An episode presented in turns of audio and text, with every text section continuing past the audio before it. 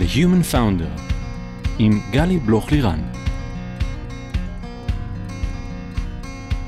היי, כאן גלי בלוך-לירן, וברוכים הבאים ל-The Human Founder, הפודקאסט שבו מדברים על ההיבטים המנטליים של המסע היזמי. כולם מדברים על ה roller coaster, שכרוך בלהיות יזמת ואולי גם משקיעה, משהו שכמטאפורה מדמה את ה sequence של מניה דיפרסיה. איך חווים low חזק כשאת חווה פציעה קשה של בעלך בתאונה בבית, ואיך מרגישים היי מטורף כשאת מובילה את עסקת בריטיש ישראל בשנת 2009. והמקום הזה, חוסר הוודאות הזה, הצורך לשמור על עצמנו כל הזמן, ברמת ניהול עצמי גבוהה, אנרגיה גבוהה ועם חוסן מנטלי להתמודד עם הכל, זה ממש לא פשוט. בכל פרק אני אשוחח עם יזמים, משקיעים, משקיעות, יועצים, פסיכולוגים, במטרה לתת מקום ללייר הנוסף הזה שפחות מדברים אותו בקול רם, ההיבט המנטלי שמלווה את הדרך היזמית, וגם אשתף עצות וכלים שיסייעו לכם לייצר פוקוס, בהירות וחוסן מנטלי, כדי להיות יזמים ויזמות מאוזנים שטוב להם. היום איתי כאן אה, יודפת הראל בוכריס, אהלן יודפת, ואיזה כיף שבאת ושסוף סוף ככה אנחנו פה ביחד. כיף להיות פה, ותודה שהזמנת אותי. באהבה. יודפת, את אה, שותפה מנהלת בקרן ההשקעות בלמבר קפיטל, משקיעה בחברות טכנולוגיות בתחומים שונים מזה שנים רבות, יועצת אסטרטגית ודירקטורית בחברות פרטיות וציבוריות. כיום את מכהנת כדירקטורית בבנק דיסקונט ובחברת ידע חברה למחקר ופיתוח של מכון ויצמן. וכן בחברות הפורטפוליו של בלומברג קפיטל. את פעילה חברתית ומשמשת כחברת ועד מנהל בעמותות שונות, בעלת BA בתקשורת ומדעי המדינה מאוניברסיטת בר אילן, ותואר שני במנהל עסקים executive MBA מברדפורד, בריטניה, והשלמת את תוכנית הניהול המתקדם של תוכנית מעוז בבית הספר למנהל עסקים בהרווארד, וסיימת לימודי גישור וגישור עסקי במרכז גומה, וואי, למדת מלא מלא דברים, תכף נצלול אליהם. שנייה לפני שאנחנו צוללים לפרק, סמנו לכם לעקוב אחרי הפודקאסט באפליקציה בה אתם מאזינים, ספוטיפיי, גוגל פודקאסט, אפל פודקאסט ונוספות. כך גם תשמרו את האצבע על הדופק ותהיו מעודכנים עם כל הפרקים שיוצאים ישירות לפיד שלכם, וגם לי זה יהיה נעים וכיף בלב. יאללה, בואו נצלול. אז יודפת, איזה כיף שאת כאן, ואני זוכרת שככה באחת הפעמים שנפגשנו, אז uh, אמרתי לך שאני מצד אחד רואה uh, אשת עסקים ממולחת, משקיעה כזאת uh, רצינית ועם טראק רקורד, ומצד שני יש בך משהו כזה שהוא מאוד רגיש ואמפתי וככה עם הלב החוצה אל היזמים, ואיזה יפה זה לראות את הדבר הזה ואיך הוא מוחזק גם וגם, ואנחנו תכף נדבר על זה. אבל אני תמיד מאמינה שהרבה מהיסודות לדברים האלה מגיעים רגע אחורה, מהילדות שלנו ומהבית ומאיך שגדלנו. אז קחי אותנו טיפה על ההתחלה, איך את התחלת? אז ההתחלה, נולדתי אה, למשפחה אה, של אנשים שתמיד עבדו מאוד מאוד קשה. אבי היה משפחה, אה, הגיע ממשפחה שמקורה בהולנד, מאוד פטריוטית, בן לניצולי שואה, אה, על כל המשתמע מזה, וגדלתי תמיד בתחושה שאנחנו לא כצאן לטבח, שתמיד צריך להילחם על מה שיש, ומשפחה של גיבורים. סבתי הייתה גיבורה אמיתית. פעלה בת... אה, כגיבורה במחתרת ההולנדית, ממש גיבורה. היא הרול מודל שלי, אני חייבת לציין. אה, והיא קיבלה את מדל אוף פרידום מנשיא ארצות הברית בתום המלחמה, ממלך אנגליה וממלכת הולנד, והייתה כל הזמן תחושה שמה שאנחנו עושים, תמיד צריך לעשות על הצד הטוב ביותר. מה שאנחנו עושים, זה צריך להיות לטובתנו, אבל גם לטובת הכלל. ואני חושבת שלאור העניין הזה הסתובבתי המון במקומות העבודה של הוריי. אה, מה, מה הם עשו? אז אה, אבי היה המון שנים בבנק דיסקונט, mm, אפרופו סגירת מעגל. סגירת מעגל וקלושרים. בדיוק, ואז בתקופה ההיא עוד אפשר היה ככה להגניב את הילדים לעבוד uh, בבנק, אז התחלתי באמת אחרי הצבא כטלרית בבנק דיסקונט, זו סגירת מעגל. אה, ועם מי עבדה, ב... אז קראו לזה המרכז הישראלי לניהול, מקום של הדרכות mm-hmm. למנהלים. ושנים הדבקתי מדבקות והכנסתי אה, פולדרים של סמינרים. אז כל הזמן היינו בסוג של אה, עשייה ומעורבות, גם כילדים, אבל בסוף, בסוף, בסוף, אני גדלתי אה, תחת המוטו של, אה, יש לנו אה, זוג אוזניים ופה אחד, אז תמיד צריך להקשיב כפול ממה שמדברים, ובטח את גם מכירה את זה. אה, למה רק 98? מכירה את המשפט הזה? כן, למרות שאני הייתי ב-good enough, ממש. אבל כן. את אומרת זה ככה בא מההורים, על למה רק 98? מאבא. מאבא. בטח. ככה דחף אותך כל הזמן אה, למה רק להצטיין עוד ועוד. 98? וכשהייתי מביאה כבר 100, אז כמה קיבלו כל השאר? ואיך את היית מגיבה לזה, וככה. בתור ילדה? בפחד ענק. כן? כן. זה היה באמת, אה, אה, זרז מוטיבציה מאוד מאוד אה, בעייתי. אני לא בטוחה שאני עושה את זה היום, אבל אם תשאלי את, ה, את הילדים שלי, הם יגידו לך שזה בדיוק הדרך שבה אני מגדלת אותם. אפרופו, אנחנו מנסים לשנות את הדפוסים, אבל בסוף אנחנו עושים לגמרי. כמה דברים דומה. מאוד דומה. והבן הקטן שלי עושה אבל לי בית ספר. יצאת לא רע. כן. כן, אבל את יודעת, זה ברור. תמיד היה שם. לגמרי, ויש לזה שם. גם מחירים. כן, אבל אני חייבת להם הרבה, הרבה תודה והערכה על הדחיפה ועל הדוגמה ועל ה... ואני לא יכולה להתלונן על הילדות שלי. את יודעת, אה, גם, גם אני באופן אישי וגם אה, ככה הרבה יזמים ומשקיעים שאני משוחחת איתם, אז באמת גם הקשר לסבא או לסבתא, אצלי זה גם מאוד משמעותי עם הסבתא, וגם בהקשר של השואה, ובכלל, אני חושבת שזה איזשהו חוט שני מאוד, ההעברה הבין-דורית הזאת, והדברים שאנחנו חווים כדור שני, שלישי, וגם אחר כך אה, לשואה, זה חלק ממה שבונה את ה-DNA שלנו, ואת החוסן שלנו, ואת היכולת שלנו גם להתמודד אה, עם. הכל היום, ובטח בימים כמו היום אנחנו מרגישים את זה ביתר סט, גם את החוזק מצד אחד וגם את המשמעות שאנחנו נותנים לדברים מצד שני, אבל כמה יפה, ואותי באופן אישי זה מרגש, כי זה מחזיר אותי לסבתא שלי כל פעם, אה, כל פעם לראות איך אנשים מוכשרים, נשים מוכשרות וגברים מוכשרים שאני משוחחת איתם, איך היסודות ניטעו שם, בילדות, במערכת יחסים עם סבא וסבתא ועם ההורים, וכמה זה משפיע על ההתפתחות שלנו כ-grown-ups ועל הקריירה שלנו. לגמרי. היא באמת באמת הייתה טיפוס מיוחד. כשהיא עלתה איך קראו לה? לארץ, קראו לה רחל הראל, וכשהיא עלתה לארץ, היא הביאה לארץ את שיטת המונטיסורי. וואלה, וואו. היא באמת הייתה מאוד יופי. מיוחדת. היא הייתה יושבת ראש ויצו הרצליה, ואני זוכרת שבתור ילדה התמודדתי למועצת uh, תלמידים ארצית, והייתי יו"ר, יו"ר מועצת תלמידים של בית ספר. גם אני. כל כך, גם את, הנה בבקשה, כל כך הייתי גאה להזמין אותה, לראות איך אנחנו עושים וואו. בזאר, דומה למה שהם עשו. זה, עכשיו, זה וואו. נראה כל כך קטן ו... זה לא. ולא משמעותי, אבל אני זוכרת שהיא הגיעה, זה היה ממש קצת לפני שהיא נפטרה, והיו לה טיפים לתת לי.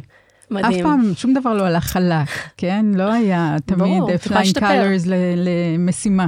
תמיד זה היה עם מקום לשיפור, 98. ברור. זה עובר מדור לדור אצלנו, זה, זה כאילו הביקורת עם הקריצה, אבל ממקום טוב. לגמרי. אבל את יודעת, זה מדהים שאת מספרת פה, ואת ילדה גדולה היום, ואת אימא לילדים, ולילדים בצבא, ואת מנהלת אה, קרן השקעות, ואיך באמת הזיכרונות האלה מפעם הם כל כך אה, טבועים בנו, וההטבעות האלה, כמה הן בונות אותנו, גם באינטראקציות היום הבין-אישיות, ואני חושבת שאחד הדברים המאוד מאוד יפים בחיים זה לדעת להסתכל אחורה, ולחבר את הנקודות האלה ולראות מתי נבנו ה building blocks האלה, במערכות יחסים האלה, בחינוך מסבתא, ב...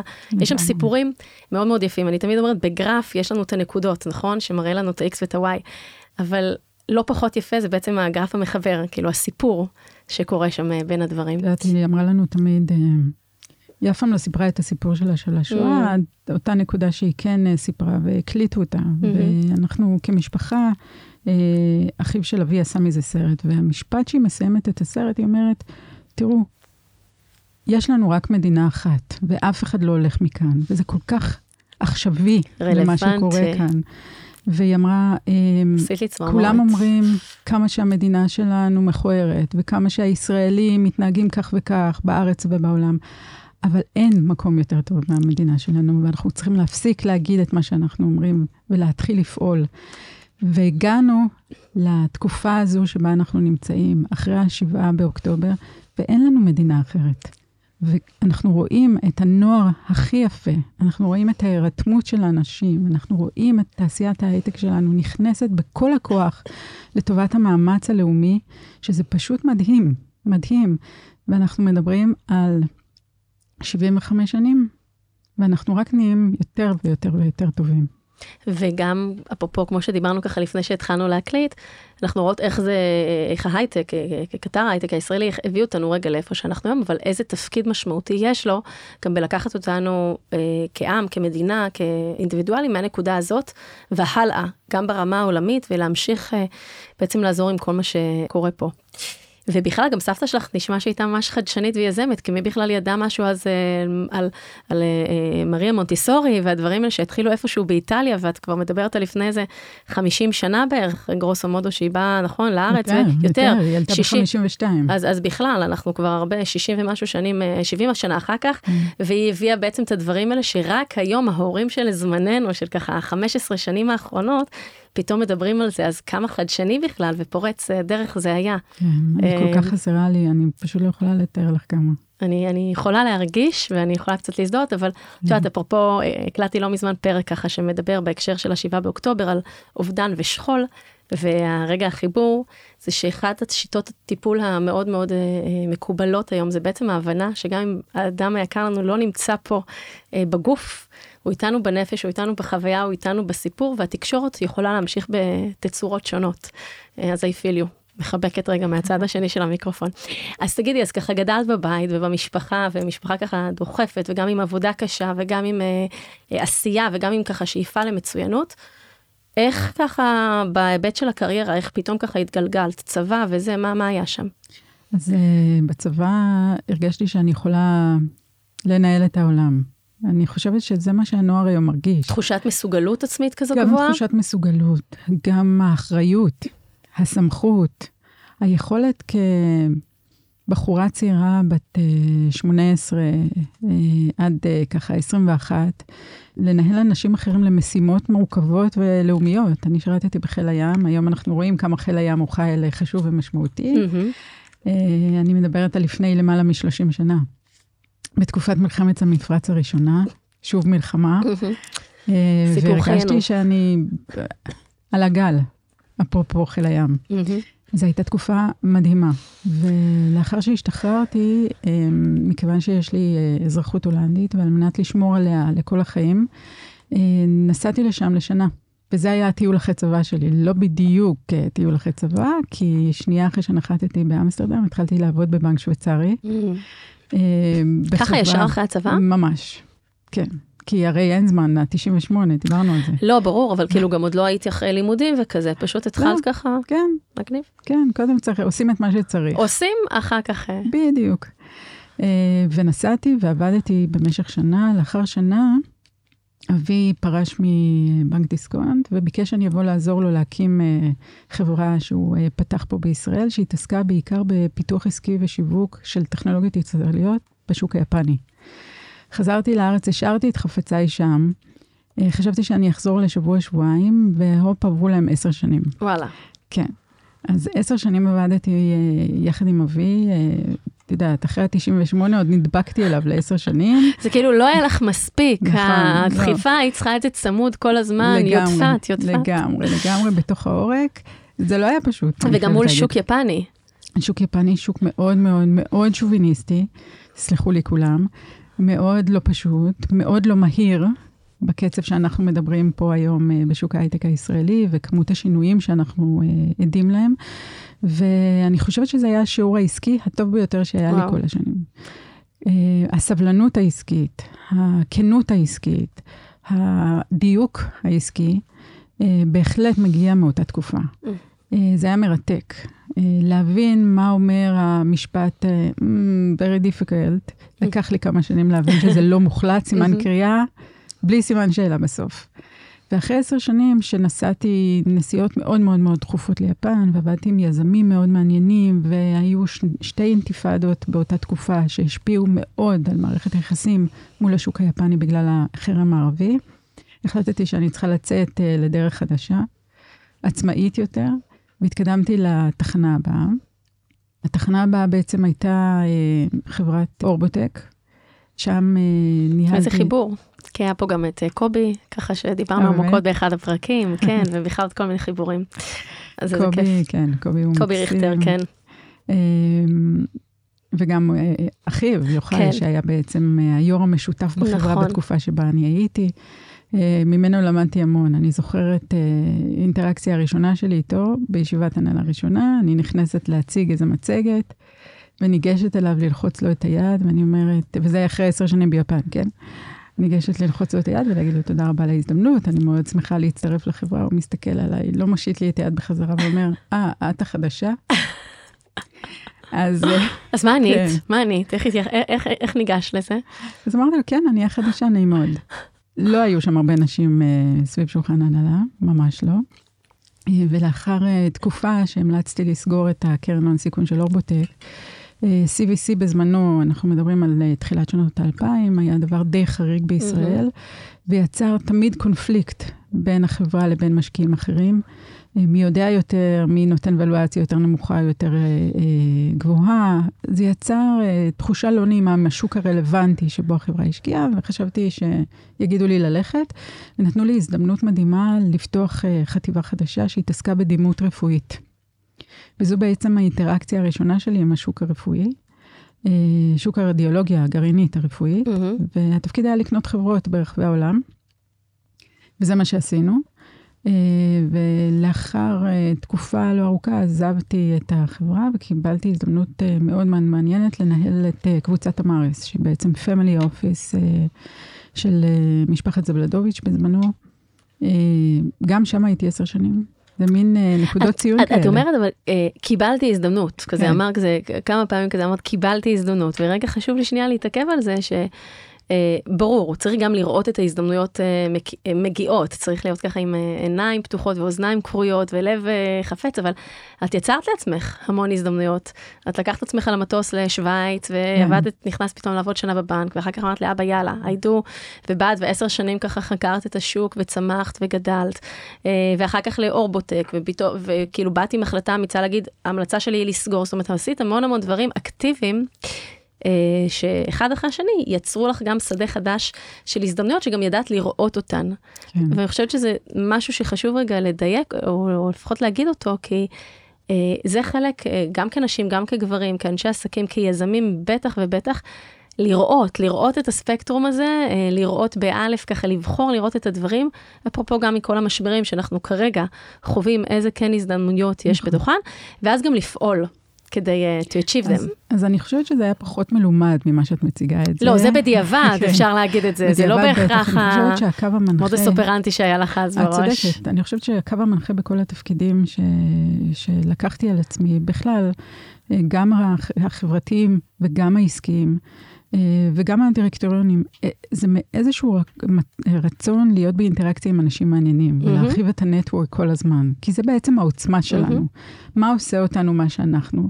זה אנשים שהם שותפים שלנו, הצוותים שאיתם אנחנו עובדים, האנשים שאנחנו מצליחים אה, להשפיע על החיים שלהם, להעצים אותם, לבוא איתם באינטראקציה. אנחנו לא עובדים בוואקום, מהמם. ובטח לא בתעשייה שלנו, לא בתעשייה העסקית, לא בתעשייה, אה, תעשיית ההייטק, ולכן האינטראקציות האלה תמיד נורא סקרנו אותי. ובכל תפקיד שלקחתי על עצמי, אה, יש שיאמרו אה, קצת יותר מדי, במיוחד אצלי בבית, אה, זה היה הקו המנחה. עד כמה אני יכולה להשפיע על הסביבה שבה אני נמצאת, עד כמה אני יכולה ללמוד מהסביבה שבה אני נמצאת. אני חושבת שמהתקופה שלי ביפן, אני הבנתי שאני לא יודעת כל כך הרבה דברים, שעדיף להיות תמיד בחברה של אנשים שיודעים יותר ממני. ואני חושבת שזה מה שמנחה אותי גם היום. הסטארט-אפיסטים שלי והפאונדרים בקרן הם פי אלף יותר מוכשרים ממני. אני לא הייתי מצליחה בחיים לעשות את מה שהם עושים. אבל יש משהו באינטראקציה שעושה את שנינו טובים יותר. מהמם. את מתארת את זה ממש יפה, והמילה הנוספת ככה שמתחברת לי לפה, זה באמת איך אנחנו, ואני חושבת שזה גם חלק מהטבע האנושי, אבל כשאתה מודע לזה, כשאת מודעת לזה, זה עוד יותר. הרצון שלנו להיות כל הזמן בצמיחה, כל הזמן לגדול, כל הזמן לספוג. אנחנו לא סופגים רק עד כשאנחנו בגיל שלוש ואנחנו ספוג. כל החיים הם הזדמנות למידה אחת גדולה וחוויה, כאילו הכל זה uh, experiences ו-experiments ואנחנו יכולים ללמוד מכל דבר ובאמת uh, אם נסתכל אפילו נצייר את זה רגע בעיגולים ואנחנו רגע עיגול פה, אז כל הקשרים שיוצאים משם, בזוגיות, בשותפויות העסקיות, בעובדים, במנהלים, בבורד, בחברים, יש uh, כל כך הרבה יופי וגם מורכבות בכל אינטראקציה כזאת, אבל זה מה שעושה גם לדעתי את החיים ככה. אה, מלאי עניין ו- ו- ורגש ו- וגורם לכולנו לגדול, זאת אומרת, כולם גדלים בתוך הדבר לגמרי. הזה. ואנחנו חיים ב- בשכונה קצת בעייתית, אז מעבר לאינטראקציות שאנחנו מדברים עליהן, אני חושבת שגם חווינו בשלושים שנה האחרונות, אה, שבהם אני בשוק העסקי, המון משברים. משברים מק- מקומיים, משברים גלובליים, אה, משברים עסקיים ומשברים צבאיים ביטחוניים. אם פה ואם בארצות הברית, אה, תראי, גם 2001, ספטמבר 11, היה סוג של משבר מטורף בתעשייה שלנו. המשבר של 2003 בתעשיית ההייטק, אה, המשבר של 2008 אה, בתעשייה הכלכלית. כלומר, אנחנו צומחים מאחד מכל לאחד. משבר כזה, ואני חושבת שאחרי כל גל כזה של משבר, אנחנו מזהים צמיחה נוספת גם בתעשיית ההייטק שאנחנו עובדות בה. שכלול, שיפור. התעצמות. יצירה של דברים חדשים, יצירתיות. לגמרי. פתרון חדש לבעיות חדשות שצצו. יצירת פלטפורמות שמהוות בעצם התפתחות של טכנולוגיות חדשות, כך שאני אני חושבת שההזדמנות שאת דיברת עליה קודם, או ההזדמנויות שאנחנו אה, מחליטים לרכב על הגל שלהן, נובעות מסיטואציות ש- שאנחנו חווים, אוקיי? זה לא הלכתי ברחוב וקרה משהו. לגמרי. אלא זה תהליך. נכון, וזאת האינטראקציה שלנו עם מה שקורה, זה ממש כאילו כימיה, קורה שם איזשהו משהו. לגמרי. בתוך, ה- בתוך הדבר הזה. תגידי, אז יודפת, אז היית ככה בתמריס, ואחר כך משם בעצם עברת לבלמברג, או שהיה עוד משהו באמצע? לא, בין תמריס לבלמברג הייתה תקופה שבה אה, רק כיהנתי בחברות ציבוריות. Mm-hmm. הייתי אה, נציגת ציבור בבית הדין הארצי לעבודה, ושם הייתה אינטראקציה אחרת לגמרי עם השוק. Mm-hmm. כמו שאת יכולה להבין, זה, הייתה, זה היה וואו. וזה עשיתי כמובן אה, באהבה במשך שמונה שנים.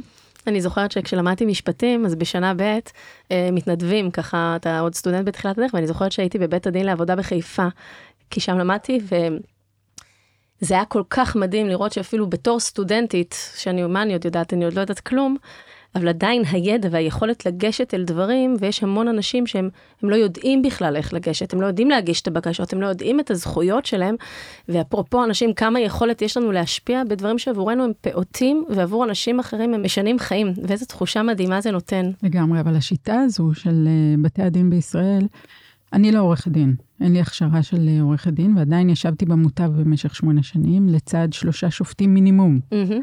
מאוד uh, מלומדים, מקצועיים. שזה גם מיוחד, כאילו איך את כל מאוד. פעם מוצאת את דרכך, והדרך מוצאת אותך לתפקידים ייחודיים. פתאום לשוויץ, פתאום ליפן, פתאום לזה, יש פה משהו, כן. אנחנו צריכות לפצח.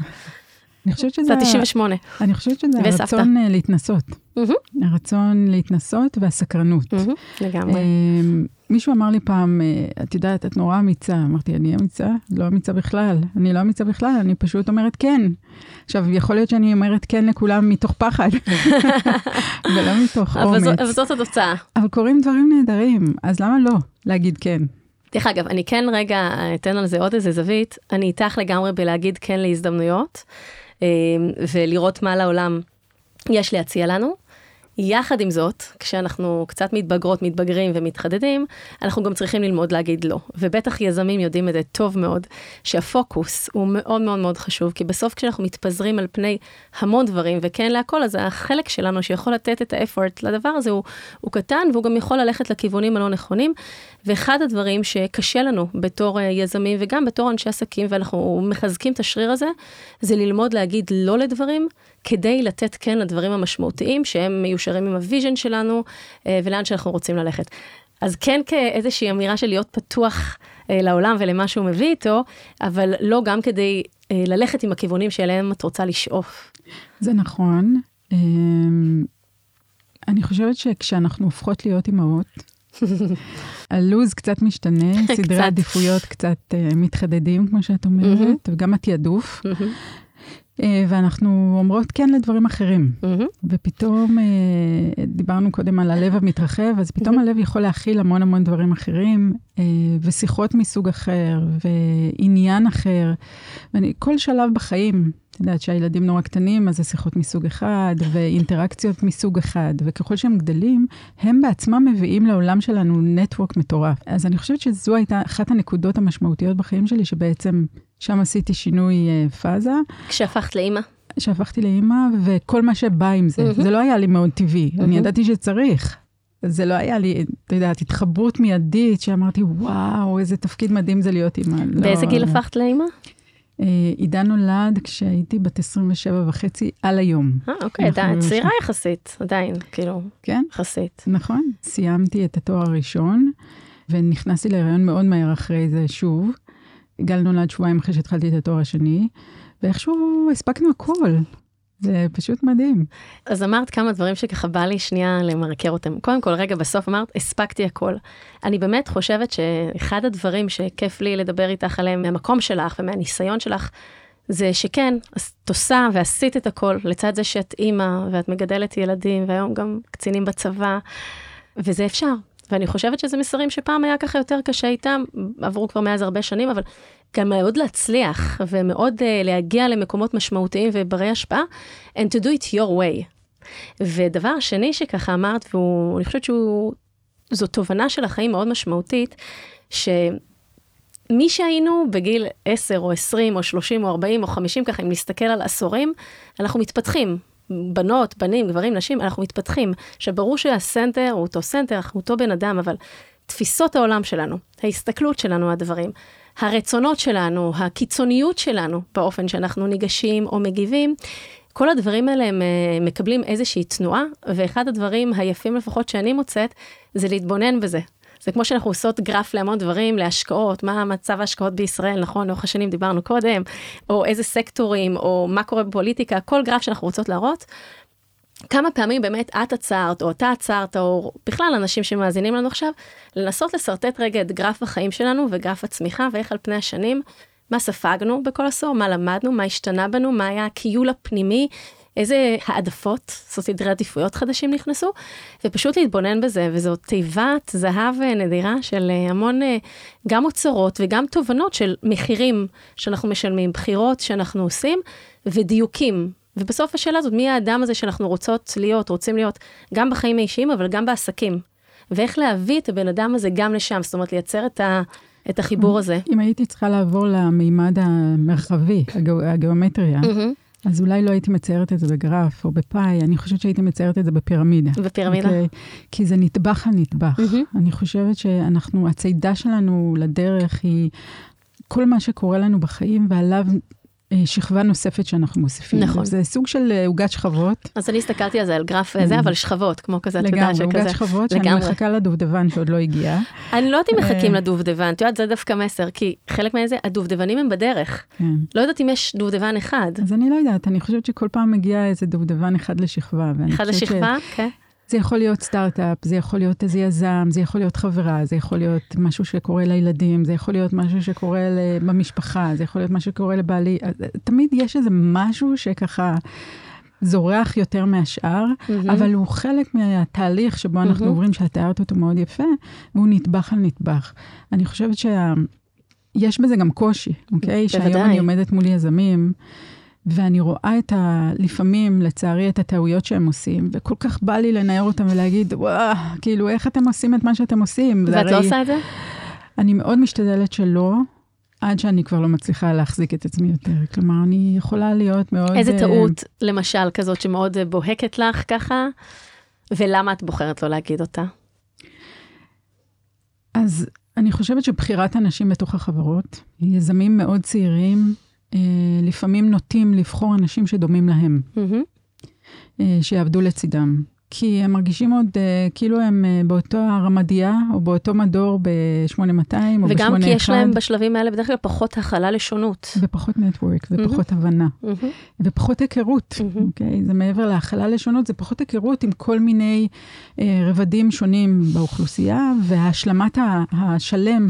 שאנחנו זקוקים לו על מנת להצליח עם הסטארט-אפ שלנו. ובחירת האנשים שהם עושים, לפעמים אני רואה שהיא שגויה. זה הרי ברור לי שזה יעלה להם יותר, זה ייקח להם יותר זמן, זה יהיה יותר מאתגר, ובסוף הם עלולים לריב עם החברים שהם הביאו לתוך הסטארט-אפ. Mm-hmm. כי זה לא הצוות בצבא, כי המטרות mm-hmm. פה הן שונות. לגמרי. כי אנחנו מחפשים שורה תחתונה.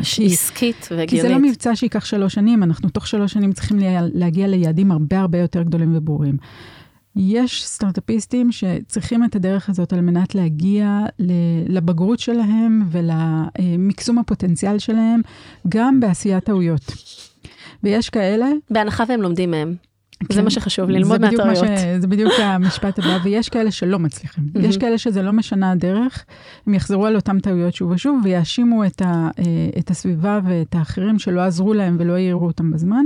אני חושבת ש, שעם הניסיון, אנחנו לומדים כמשקיעים לאבחן אם מותר לי להשתמש במילה, זו מילה קצת mm-hmm. פלצנית, כי מי שם אותנו? להתבונן להיות... ולדייק ולראות. ו- ולייעץ. ויש כל מיני דרכים להעביר מסר. לגמרי. לגמרי. ואפרופו הדוגמה שנתת, אני אמשיך אותה רגע מהמקום שאני מייעצת בו ליזמים, שאת רואה נגיד לפעמים שמביאים את, את אותו חבר מהבית או מהיחידה את אותו דבר, ואו שכבר מבינים מתישהו שזה צריך להיפרד הדבר הזה, או שבעצם בדרך פתאום מתחיל כל השיח הזה, רגע, אני כבר מבין, או אני מבינה שזה לא עובד, אבל איך אני ניגשת לזה? כאילו כבר חפרתי, קריתי בור גדול מדי, ועכשיו המחירים גדולים, תלך החברות שלנו ותלך החברות המשפחתית, ופתאום אני נפרד או נפרדת מקו-פאונדר, ואיך המשקיעים יסתכלו עליי, ומה זה אומר כלפי הצוות. והרבה פעמים באמת חלק מה... היכולת שלנו לגדול ולהסתכל על טעויות פוטנציאליות זה לנסות לדמיין בנקודת האפס את המחירים הפוטנציאליים שיהיו לנו בהחלטות מנגזרת שנייה, שלישית, רביעית, ולהגיד, אוקיי, אולי זה לא שווה את הדבר הזה, ו- ומראש בעצם לא להיכנס לזה.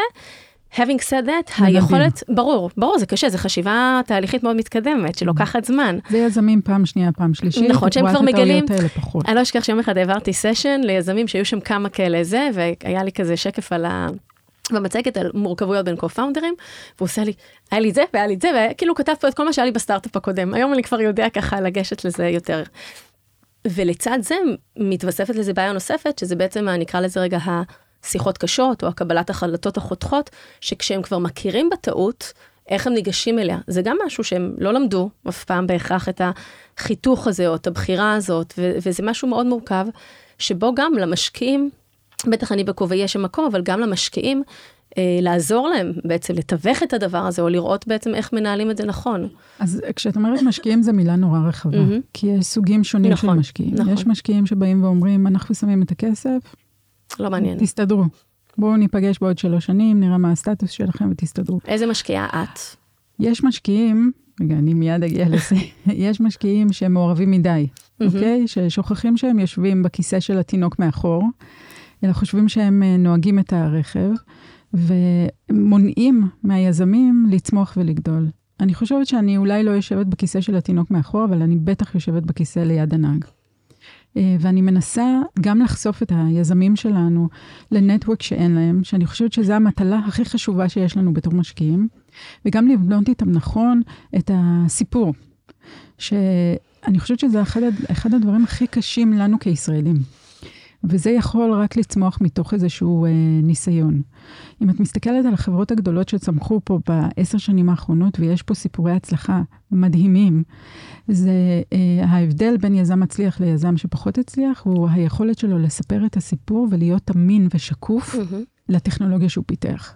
וזה בעיניי, זה, זה המתכון, זה, זה סוד ההצלחה של יזמים אה, מוכשרים ומוצלחים, אה, לעומת יזמים שיותר מתקשים. היכולת שלהם להיות מאוד מאוד בטוחים בטכנולוגיה אינה מספיקה בעולם של היום.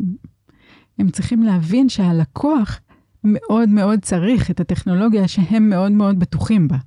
זו נוסחה שתמיד הייתה, אבל אני חושבת שהיא הולכת ומתחדדת עם השנים, גם בגלל התחרות המאוד גדולה שאנחנו רואים כמעט לכל תעשייה, גם לתעשיית הסייבר דרך אגב, אה, ואנחנו צריכים להמציא סיפור חדש, יתרון חדש. ה-AI הוא בהחלט יכול להיות מקום שכזה, הקוואנטום הוא יכול להיות בהחלט מקום שכזה. הם שני התחומים האחרונים שציינתי מגיעים מתוך האקדמיה. כמו גם אגריטק אה, ופודטק, זה מגיע מתוך המעבדות. שם אנחנו עדיין צריכים להשתכלל, שם אנחנו צריכים עדיין לעבור את השלב הבא של הפיתוח האבולוציוני שלנו כחוקרים, כיזמים, כמשקיעים בתחום.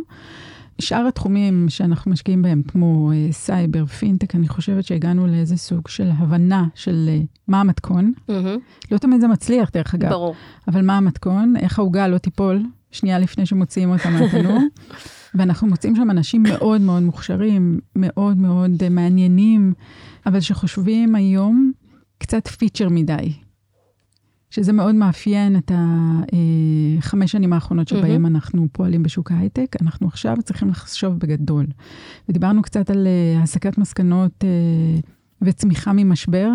אני חושבת שבהיסטוריה של שנות ההייטק, כפי שאני מכירה אותה ב-30-40 שנה האחרונות, הטכנולוגיות הטובות ביותר צמחו מתוך משבר. Mm-hmm. ולכן אני חושבת שאם אנחנו מסתכלים קדימה, ברוח קצת יותר אופטימית, אנחנו אה, נזכה בציר אה, השקעות בטכנולוגיה בחמש עד עשר שנים האחרונות, מוצלח הרבה יותר ממה שראינו בחמש שנים שעברו. הבאות, החמש עשר שנים הבאות. כן, הבאות, סליחה. אמרת אה, באמת מתכון מדהים וה storytelling והסיפור החדש ולהבין שהלקוח באמת מאוד צריך את הטכנולוגיה אבל רציתי למרקר עוד mm. מילה שאמרת אמרת את המילה אמינות.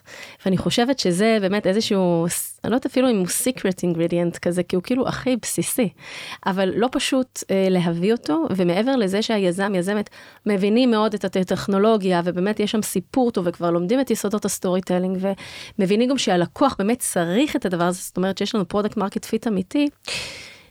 איך אנחנו לא מייצרים איזשהו, את יודעת, פיקציה, איך אנחנו לא מייצרים איזשהו אוויר חם סביב הדבר הזה, ואיך אנחנו כיזמים מצליחים להעביר את האמינות הזאת הלאה, כי זה בסוף מה שמחזיק לאורך זמן.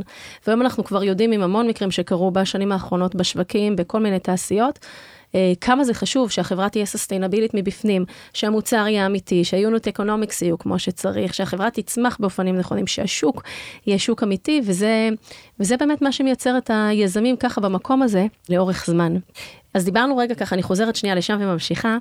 האימהות, וזה התחיל. תספרי קצת ככה איך זה אומר, אה, איך זה מרגיש, החוויה, להיות אישה, אה, לא בקטע של להחמיא לך, בקטע רגע של לציין עובדות, מאוד מצליחה ברמה העסקית, יושבת בדירקטוריונים, מקימה קרנות השקעות, מצטרפת לקרנות, מגדלת ילדים, עוברת גם נישואים שניים בתקופה הזאת. איך זה לנהל את כל ה... מה שנקרא work-life balance, אם יש דבר כזה, את ה-work-life, את יודעת, היום זה work-life balance, כאילו איך את מחזיקה בעצם את הדבר הזה מהמקום הפרטי שלך? מה הקולות שעולים במשפחה מהדבר הזה? אז uh, אני חושבת שאף פעם לא עצרתי לשאול מה אומרים במשפחה על הדבר. וזה התגלגל. אוקיי? אני זוכרת שבמבחנים הראשונים בתואר השני הייתי עם הסגל של גל לידי. ממש. פיזי. אה, והתפללתי שהוא לא, שהוא לא יבכה ויפריע לאחרים במבחן. אז יש לנו איזושהי יצירתיות שאין לנו כשאנחנו אה, יותר אה, מבוגרים, אנחנו הרבה יותר מתחשבים ויותר מה יגידו ואיך זה נראה, וכשאנחנו צעירים אנחנו קצת מופרעים וקצת... פשוט עושים. פרועים. אז אני חושבת שפשוט עשיתי. מה שכן, אני, העצה, אם שומעות אותנו נשים אה, צעירות, שקריירה חשובה להן וגם המשפחה חשובה להן, הסוד שלי היה להיעזר בתשלום, אוקיי? okay? גם להפעיל תעשייה נוספת. אה, וגם לא להסתמך על אה, טובות, ופשוט לשלם עבור שירותים. אה, וכולם יצאו נזכרים מזה. אימא שלי עזרה מאוד כשהיא יכלה, אבל אני ידעתי שאני מסתמכת על אנשים שאני משלמת להם, וזו העבודה שלהם. ולמצוא את האנשים הכי טובים. האמת, זה גם מה שאנחנו עושים היום. תמיד.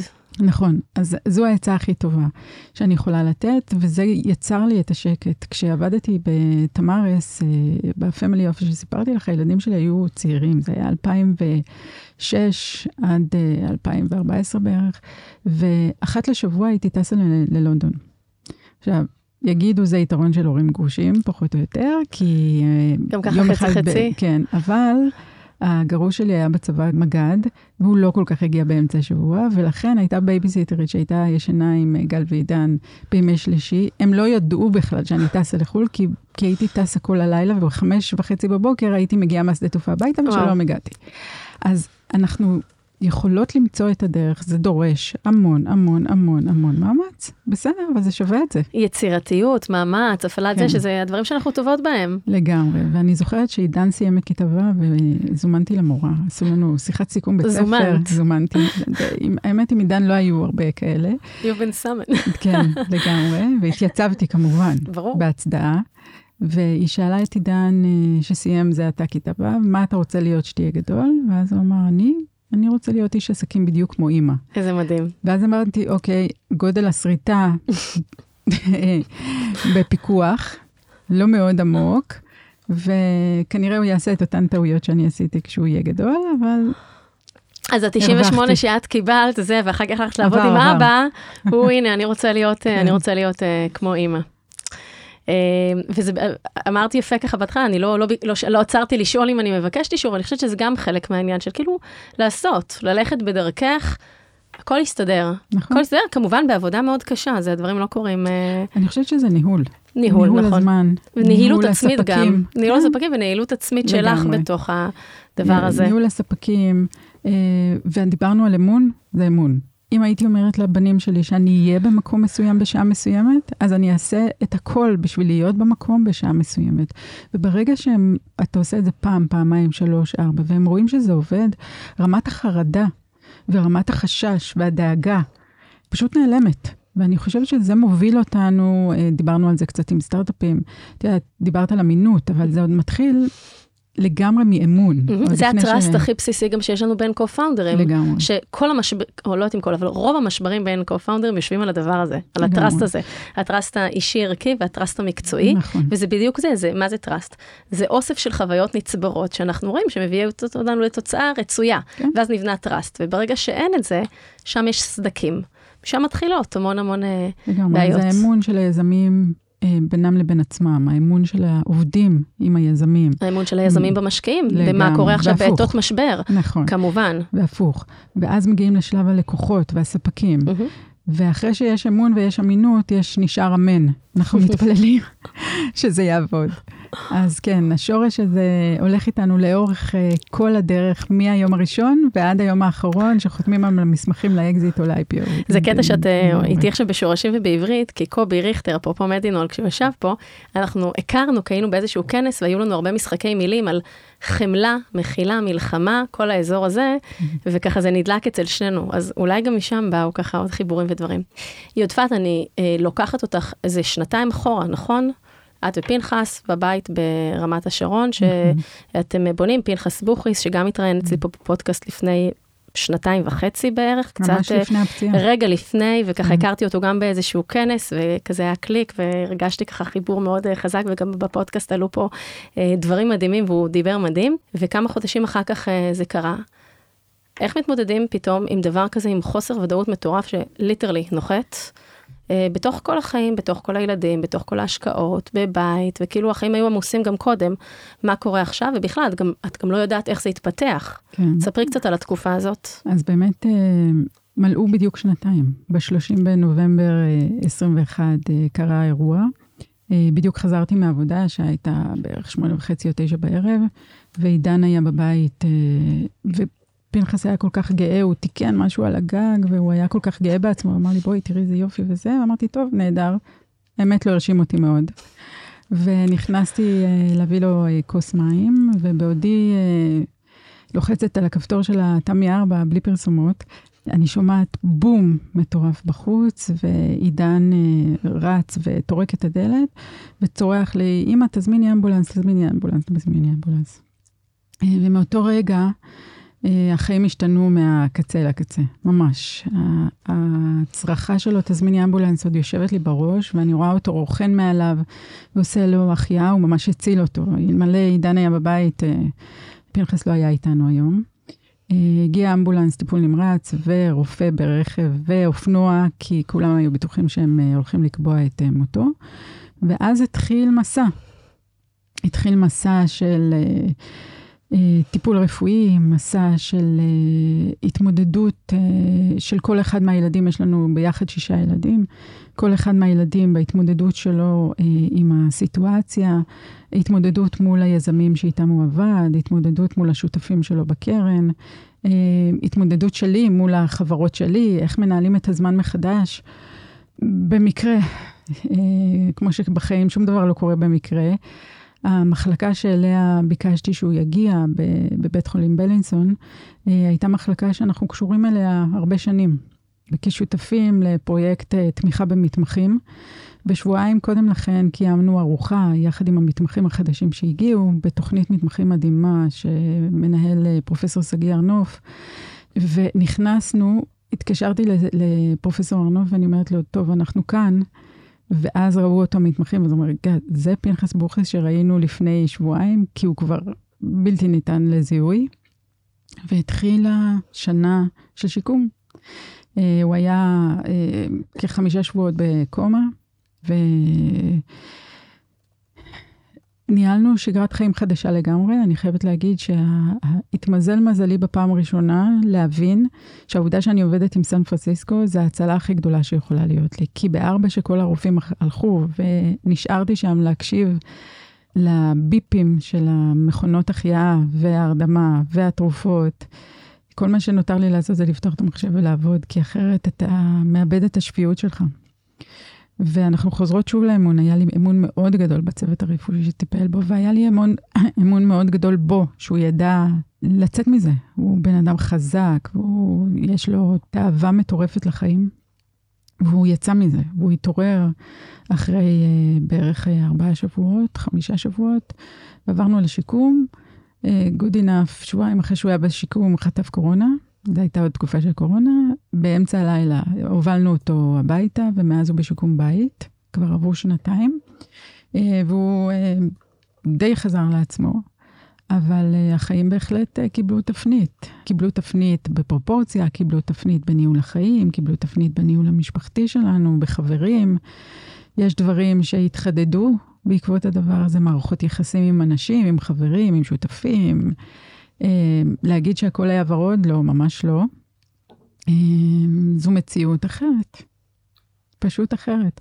אז מהלואו הזה יצא גם הרבה טוב, כי הכרנו רופאים ומטפלים ואנשים מדהימים, ואני יכולה להגיד שאם חס וחלילה אה, מישהו זקוק וצריך, אז יש על מי לסמוך. אה, אבל אני גם יכולה להגיד שאם חלילה לי יקרה כזה דבר בחיים, אז כולם יודעים מסביב לא להחיות. רגע, זה המסר עכשיו, חכי, עד עכשיו זה, יודפת, מה את עכשיו קלקלת רגע? כן. אבל לא, הוא באמת, אה, הוא באמת אה, אלוף, הוא יצא מזה בצורה מדהימה. קודם כל, תודה, תודה ככה על השיתוף הכן. אני זוכרת שאז את ואני עוד לא הכרנו, אה, כי הכרתי את פנחס רק קצת לפני, ואני זוכרת ששלחתי לך בלינקדאין הודעות אחרי ששמעתי על זה אחרי כמה זמן, ומה שאני זוכרת זה את העוצמה שהייתה ממך שם בהודעות, את ענית לי בלינקדאין, גם ענית, כאילו בתקופה כזאת, ואני לא זוכרת את הניסוחים, אבל זה היה כל כך כאילו חזק, אפילו עם טיפה של הומור עדין כזה, כאילו של, הוא חזק והוא יוצא ואני זה, וכאילו I've got this. ואני זוכרת כמה נפעמתי מזה, כי בואי, זו סיטואציה מאוד קשה, סיטואציה קשה, סיטואציה מורכבת, את לא יודעת מה יקרה, המון המון חוסר ודאות. יש הרבה על הראש גם לפני שזה קרה, ואני זוכרת כמה זה אה, הדהד לי, העוצמה שלך, ככה mm-hmm. בתוך, אה, בתוך הדבר הזה. מה את מרגישה היום ברטרוספקט, שאת ככה מסתכלת על השנתיים האלה? מה היו הדברים המשמעותיים שעזרו לך לצלוח אותם? אני חושבת שהילדים והעוצמה של החברים שעטפו אותנו, בהתחלה זה הרגיש כמו שבעה, כי כולם הגיעו לבית החולים ואי אפשר היה לראות אותו. אני גם מאוד מאוד מאוד מאוד דאגתי שאף אחד לא ייכנס לראות אותו. אה, מתוך איזושהי מחשבה שלמעט הילדים, הוא לא היה רוצה שאף אחד יראה אותו כמו שהוא היה, מחובר לעשרות מכשירים. אז אני חושבת שהשליטה בסיטואציה נתנה לי את הכוח הכי גדול לנהל את הסיטואציה. והילדים, העובדה, האהבה ביניהם, בינם לבין עצמם, התמיכה שהם נתנו אחד לשני, תחשבי, זה שלושה פסי יצור שונים. Mm-hmm. שניים מנישואים קודמים, שלושה מנישואים קודמים של פנחס ואחד משותף. וכל אחד הוא עולם כל כך אחר ושונה, והחיבור ביניהם והביחד שלהם נתן לי מלא כוח. אני חושבת שהתחושה שלי הייתה כל הזמן שאם הוא רואה את זה, ואת האהבה שהם מרפים אחד לשני, זה אומר שהצלחנו לעשות משהו ממש טוב אה, מאז שהתחברנו. וזה נתן לי עוצמות אה, מטורפות, ובאמת ניהלנו את זה כמו מלחמה. מדהים, ומדהים באמת איך את מדגישה שגם סיטואציות קשות מנשוא, כמה הניהול העצמי והניהול של הדבר, ומה זה ניהול? זה לקיחת האחריות אלינו, זה mm. הבנה שאף אחד אחר לא יפתור לנו את הסיטואציה, בטח לא כפי שאנחנו היינו רוצים להוביל אותה, ופשוט לקיחת האחריות על כל המשתמע מכך מול הצוותים הרפואיים, מול מה שקורה בבית, מול התפעול של המטופל עצמו, כאילו פשוט לנהל את זה, לנהל את החיים שלנו. ואולי אני אקח את זה לאיזשהו כזה מסר כזה יותר גבוה, שבטח כיזמים, בכלל כבני אדם אני מאמינה בזה, אבל בטח כיזמים, כמה השריר הזה של לנהל את עצמנו בדרך, להיות ערניים כל הזמן, מצד אחד לפרפורמנס שלנו, מצד שני לאלמנט של הזמן, מצד שלישי למצפן, לאן אנחנו רוצים ללכת, ומצד רביעי למצב המנטלי הרגשי שלנו, וכמובן יש שם עוד היבטים, אבל נגעתי רק בכמה. כל הזמן צריך לנהל את הדברים האלה, כל הזמן צריך לשאול את עצמנו, רגע, זה פה, זה פה, זה מאוזן, זה לא מאוזן, איזה צריך עכשיו יותר משאבים, איפה אפשר טיפה רגע לקחת. אנחנו כל הזמן צריכים להיות בנהילות עצמית מאוד מאוד גבוהה כדי לצלוח את החיים האלה. לגמרי. אה, לפחות באופנים שבהם אנחנו היינו רוצים. ולדחוף אותנו, את עצמנו, וגם את אלה שסביבנו, עוד צעד אחד קדימה. מזה אנחנו גדלים וצומחים. אני חושבת שאת יודעת, הייתי השבוע באחת החברות פורטפוליו שלנו, מהמם. ולשוחח קצת עם העובדים.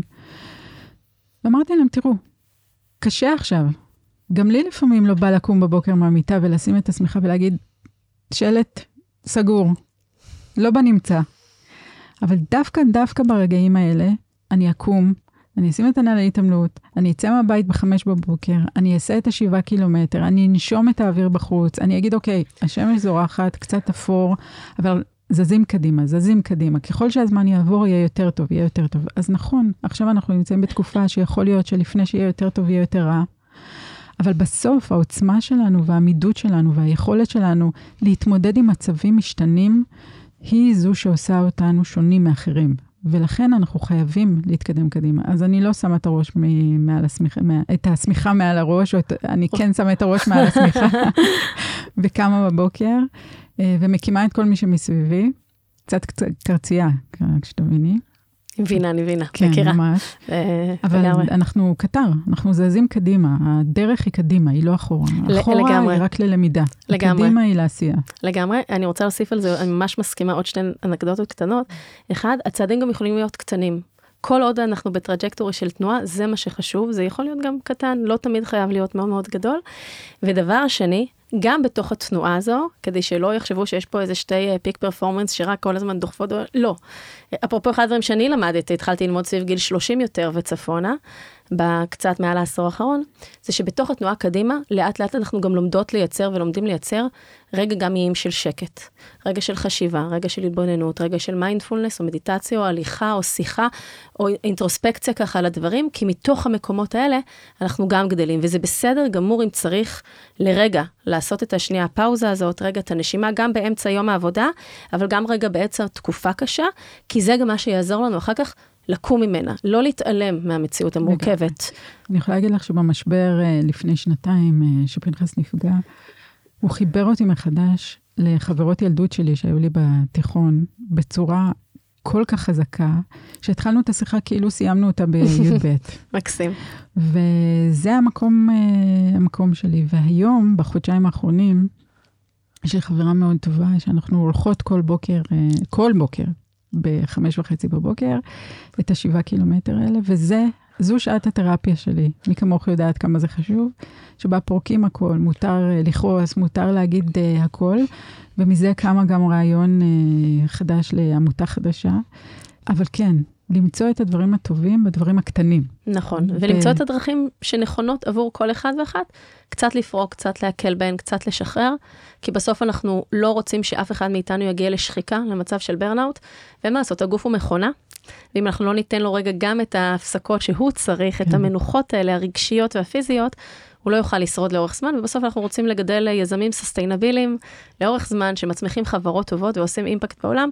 זה מתחיל מהבסיס.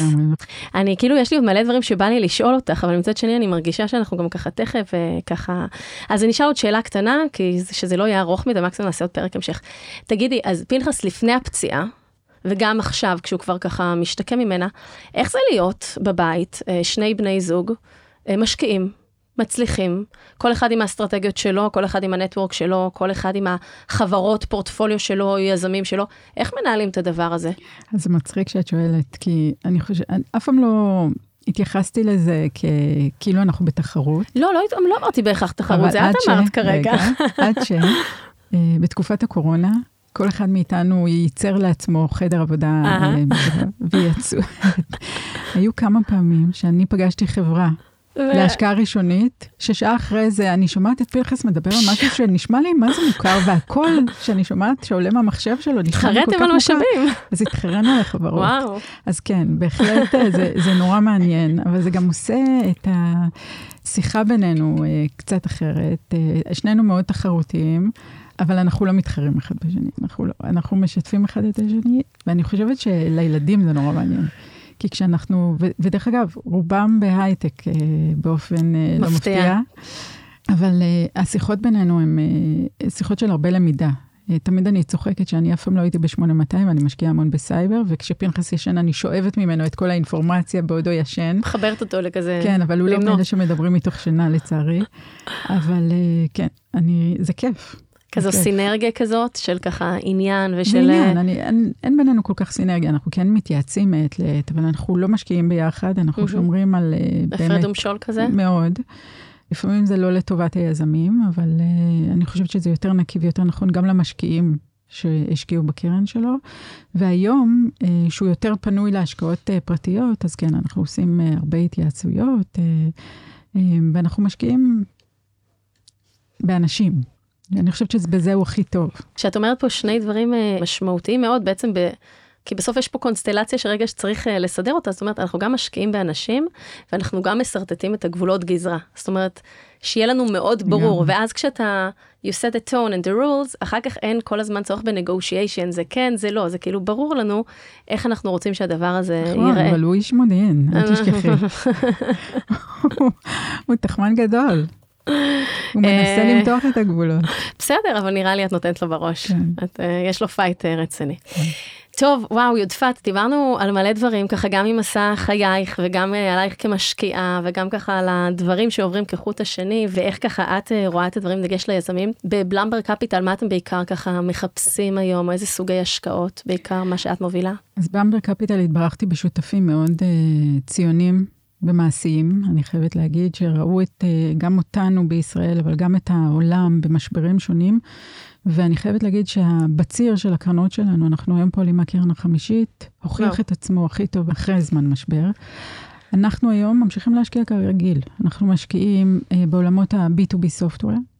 אך ורק מתחילים ב-early stage, ממש, ב- אנחנו יכולים להשקיע בפרי-סיד, סיד ו-A, וממשיכים לאורך כל חיי החברה, עשיתי עכשיו השקעה גם ב round E, וואו. אוקיי?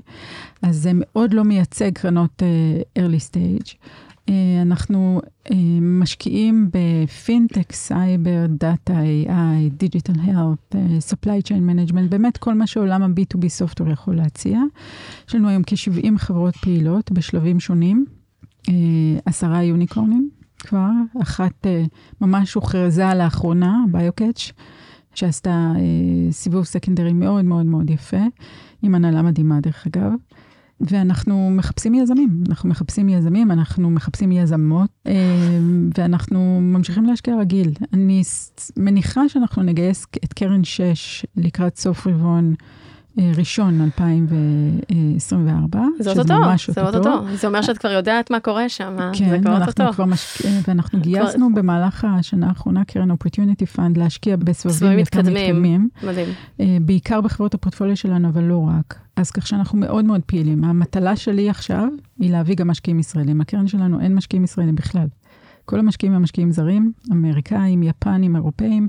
אני אה, אשמח שבקרן החדשה יהיו גם משקיעים ישראלים מההיבט הציוני. אנחנו עושים כאלה תשואות אה, מעניינות, חוסכים בישראל, כדאי שיהנו מזה גם.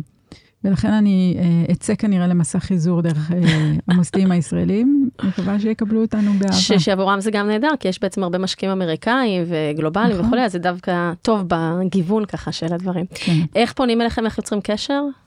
אה, דרך האתר, דרך האתר? או דרך הלינקדאין שלי, או של כל אחד מחברי הקרן כמובן, ואנחנו יותר מנשמח, יש לנו פה צוות של שבעה אנשים, וגם משרדים. מקסימים. תודה. אנחנו משקיעים אבל בפול גלובלי, כלומר אין לי הקצאה לישראל.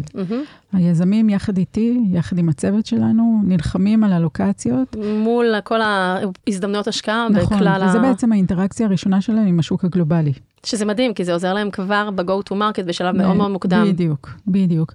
אז אין אלוקציה, יש ועדת השקעות אחת מתכנסת כל שבוע, אה, ולכולם יש equal vote, שזה מאוד. מאוד, אה, מאוד אה, מיוחד בקרן שלנו. גם ה-associates מצביעים על השקעות, זה לא וטו של השותפים בלבד, ולכן היזמים מתחברים מאוד טוב לצוות, יש לנו אנשים מדהימים בצוות ואני מאוד גאה בהם. איזה כיף. אה, כן, פגשתי כמה, אני מעידה על כך. תודה. יודפת, תודה שבאת, היה לי ממש ממש כיף ככה בקפה שלנו על גבי הפודקאסט. אה, למאזינים, אנחנו נשים פסיק עד לפרק הבא. ככה אני גם אומרת ליזמים שלי, מסשן לסשן. ניתן למצוא אותנו בפלטפורמות הפודקאסטים המובילות, ספוטיפיי, אפל פודקאסט, גוגל פודקאסט ופודבין. מוזמנים לעשות subscribe ולהתעדכן ראשונים על פרקים חדשים. מוזמנים גם לבקר באתר שלי ב galiblochliran.com ולהשאיר שם את הפרטים שלכם כדי להתעדכן וללמוד עוד על ההיבטים המנטליים של יזמים, וגם לעקוב אחרי The Human Founder בלינקדאין, פייסבוק ובשאר המקומות. תודה לגוגל פור סטארט-אפס שמאפשרים לי להקליט כאן את כל התוכן החשוב הזה. אם נהניתם, אני ממש אשמח שתפיצו את הפודקאסט ליזמים ומשקיעים שאתם מאמינים שיקבלו ממנו ערך. שמים פסיק, ניפגש בפרק הבא. ביי, עודפה, תודה. תודה רבה.